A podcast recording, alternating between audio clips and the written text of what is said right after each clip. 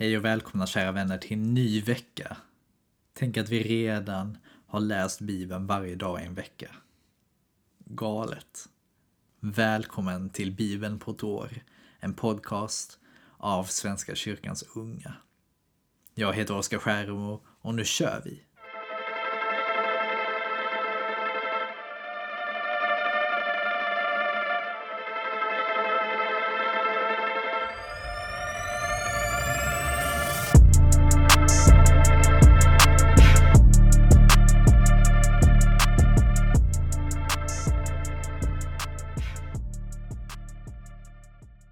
Vi ber tillsammans.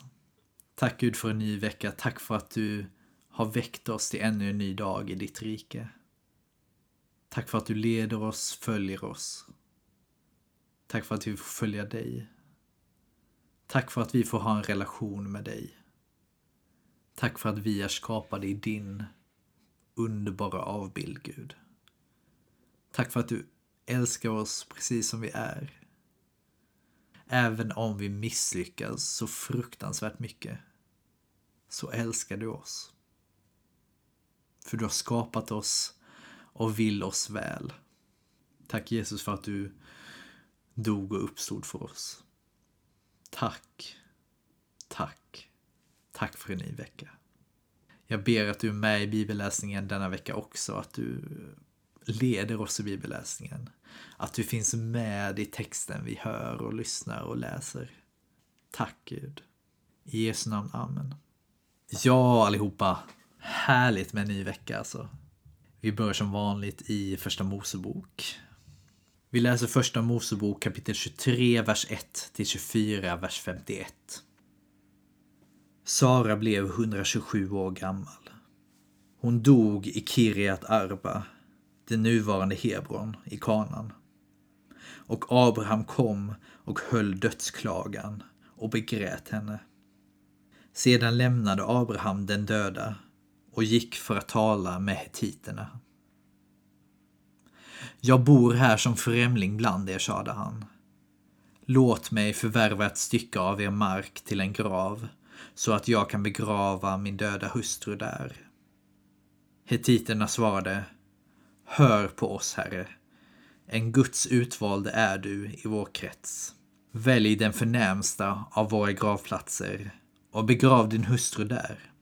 Ingen av oss ska förvägra dig sin gravplats. Då kan du begrava din hustru.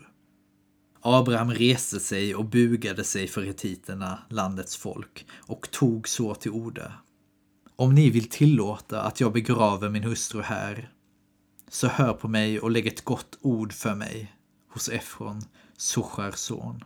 Så att han låter mig få Makpelargrottan som tillhör honom och som ligger i utkanten av hans marker.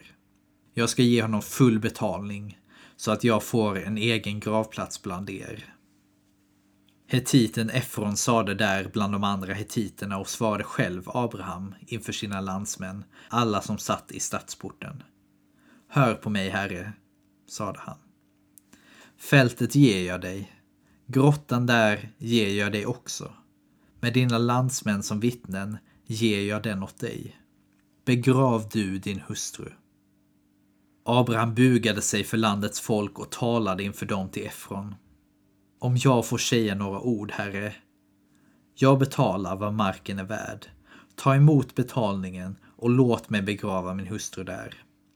Efron sade, Hör på mig, herre. Ett jordstycke för 400 siklar silver. Vad är det oss emellan? Begrav din hustru.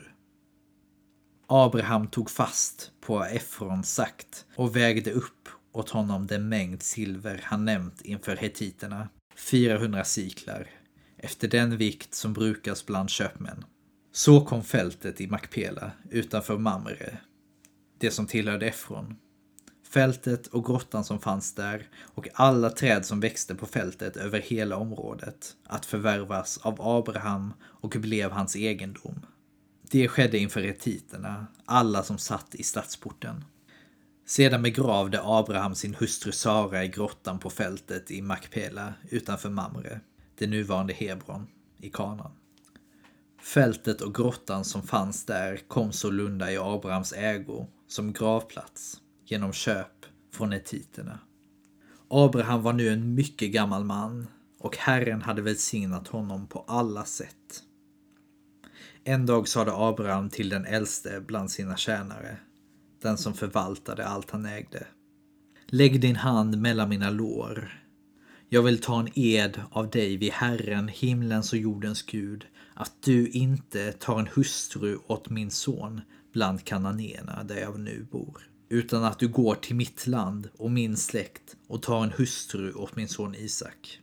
Tjänaren sade, men om hon inte är villig att följa med mig till det här landet, ska jag då föra din son tillbaka till det land som du har lämnat? Nej, svarade Abraham. Du får absolut inte föra honom tillbaka dit. Herren, himlens Gud, som förde mig bort från mitt hem och mina fäders land och som lovade mig med ed, åt dina ättlingar ska jag ge detta land. Han ska sända sin ängel framför dig, så att du kan ta en hustru åt min son därifrån. Om hon inte är villig att följa med dig är du löst från din ed till mig. Men för inte min son tillbaka dit. Då lade tjänaren sin hand mellan sin husbonde Abrahams lår och lovade honom detta med ed. Tjänaren tog tio av sin husbondes kameler och med de finaste dyrbarheter hans husbonde ägde gav han sig iväg till Nahors stad i Aram Naharaim. Där lät han kamelerna lägga sig ner vid brunnen utanför staden. Det var framåt kvällen, vid den tid då kvinnorna går ut och hämtar vatten. Och tjänaren bad Herre, min husbonde Abrahams Gud, låt mig idag få se hur du visar din godhet mot min husbonde Abraham. Här står jag vid brunnen och flickorna från staden är på väg hit ut för att hämta vatten. Jag kommer att be en av dem, räck mig din kruka så att jag får dricka. Om hon då svarar, drick du, och jag ska ge dina kameler vatten också. Då är det den flickan som du har bestämt åt din tjänare Isak. Och då vet jag att du har visat din godhet mot min husbonde. Han hade knappt hunnit säga detta förrän Rebecka kom dit ut med sin kruka på axeln. Hon var dotter till Betuel, som var son till Milka, Abrahams bror Nashors hustru. Det var en mycket vacker flicka och hon var orörd. Ingen man hade haft henne. Hon gick ner till källaren och fyllde sin kruka och när hon kom upp igen skyndade tjänaren fram och bad henne. Låt mig få en klunk vatten ur din kruka. Drick, herre, sade hon och lyfte genast ner krukan på armen och lät honom dricka. När hon gett honom att dricka sade hon Jag ska hämta upp vatten åt dina kameler också, så att de kan dricka sig otörstiga. Hon tömde genast sin kruka i vattenhorn och skyndade sedan till brunnen igen och hämtade upp vatten åt alla kamelerna. Själv stod han tyst och iakttog henne för att se om Herren hade gjort hans färd lyckosam eller inte. När alla kamelerna hade fått vatten tog mannen fram en guldring som vägde en halv sikel och satte den i hennes näsa och på hennes armar satte han två armringar av guld som vägde tio siklar. Sedan sade han till henne Tala om för mig vems dotter du är. Kan vi få nattkvarter i din fars hus? Hon svarade Jag är dotter till Betuel, Milkas son med Nahor. Och hon fortsatte Halm och foder har vi gott om och husrum har vi också. Då föll mannen ner och tillbad Herren och sade Prisad vare Herren, min husbonde Abrahams Gud, som inte har upphört att visa min husbonde sin godhet och trofasthet. Herren har lett mig till min husbondes förände. Flickan sprang hem och berättade för sin mor och de andra vad som hade hänt. Rebecka hade en bror som hette Laban och han skyndade sig ut till mannen vid källan.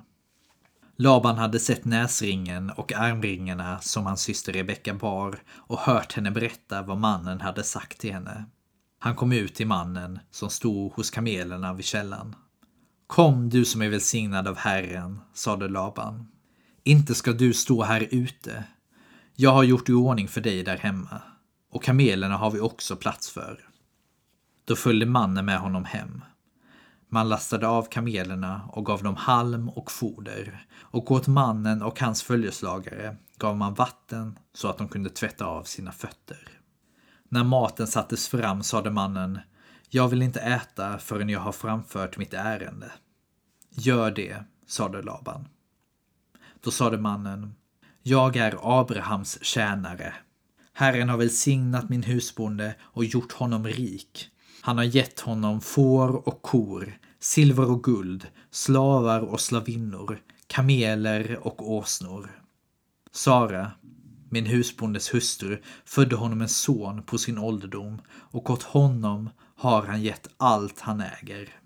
Nu har min husbonde låtit mig gå ed på att jag inte ska ta en hustru åt hans son bland kananéerna i vilkas land han bor.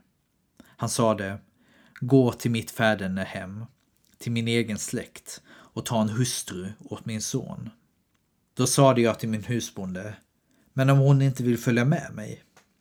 Han svarade, Herren som jag alltid har hållit mig till ska sända sin ängel med dig och göra din färd lyckosam så att du kan ta en hustru åt min son från min släkt och mitt fädernehem. När du har kommit till mina släktingar ska du vara löst från din ed till mig, även om de inte vill ge henne åt dig. Så blir du löst från eden. Idag när jag kom till källan bad jag, Herre min husbonde Abrahams Gud, visa mig om du vill låta min färd bli lyckosam. Här står jag vid brunnen. Kommer det nu en ung kvinna som ska hämta vatten ber jag henne att hon låter mig få dricka lite ur hennes kruka. Om hon då svarar drick du och jag ska hämta upp vatten åt dina kameler också, då är det henne Herren har utsett till hustru åt min husbondes son. Knappt hade jag hunnit tänka detta förrän Rebecka kom dit ut med sin kruka på axeln. Hon gick ner till källan och hämtade vatten och när jag bad henne att få dricka lyfte hon genast ner krukan och sade Drick du, jag ska ge dina kameler vatten också. Jag drack och hon vattnade kamelerna. Jag frågade henne vems dotter hon var och hon svarade att hon var dotter till Betuel, Nahors son som Milka födde åt honom. Då satte jag ringen i hennes näsa och armringarna på hennes armar och föll ner och tillbad Herren. Jag prisade Herren, min husbonde Abrahams Gud, som hade fört mig på rätt väg och låtit mig finna en dotter till min husbondes frände, åt hans son. Säg mig nu om ni vill visa min husbonde godhet och trofasthet. Om inte, så säg mig då det, så att jag vet vad jag har att rätta mig efter. Laban och Betuel svarade Detta kommer från Herren. Vi har ingenting att säga. Här är Rebecka. Ta henne med dig. Må hon bli hustru åt din husbondes son, så som Herren har sagt. Ja, så idag fick vi lära känna Isak lite mer och Rebecka. Vi fortsätter i Matteus kapitel 8, vers 1 till 17. När han, alltså Jesus, gick ner från berget följde stora folkskaror med honom. Då kom en spetälsk fram och föll ner för honom och sade Herre, vill du, så kan du göra mig ren. Jesus sträckte ut handen, rörde vid honom och sade Jag vill, bli ren. Genast blev mannen ren från sin spetälska. Men Jesus sa till honom, säg det inte till någon, men gå och visa upp dig för prästen och ge det ett offer som Mose har bestämt. Det blir ett vittnesbörd för dem. När han gick in i Kafarnaum kom en officer fram till honom och bad om hjälp. Herre, min tjänare ligger förlamad där hemma och har svåra plågor. Jesus sade, ska då jag komma och bota honom? Officeren svarade, Herre, jag är inte värd att du går in under mitt tak. Men säg bara ett ord, så blir pojken frisk. Jag är själv en som står under befäl och jag har soldater under mig. Och säger jag till den ene, gå, så går han. Och till den andra, kom, så kommer han. Och säger jag till min tjänare, gör det här, så gör han det. Jesus blev förvånad och sade till dem som följde honom. Sannerligen, inte hos någon i Israel har jag funnit en så stark tro. Jag säger er att många ska komma från öster och väster och ligga till bords med Abraham och Isak och Jakob i himmelriket. Men rikets egna barn ska kastas ut i mörkret utanför. Där ska man gråta och skära tänder. Och till officeren sade Jesus, Gå, du trodde och det ska ske. Och i det ögonblicket blev pojken frisk. Jesus kom hem till Petrus och fick se hans svärmor ligga sjuk i feber. Han rörde vid hennes hand och då lämnade febern henne och hon steg upp och betjänade honom.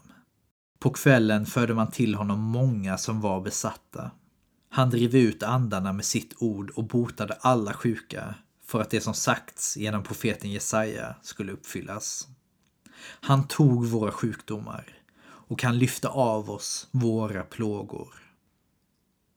Ja, några av Jesus första under i Matteus evangeliet. Vi fortsätter i Saltaren, psalm 9, andra halvan, vers 14 till 21. Var barmhärtig, Herre. Se hur jag förtrycks av mina fiender, du som kan lyfta mig bort från dödens portar, så jag får sjunga ditt lov, jubla över din hjälp i Sions portar. Folken föll i den grop de grävt, de fastnade i snaran de gillrat. Herren gav sig till känna, han skipade rätt. I sitt eget dåd blev den gudlöse snärjd.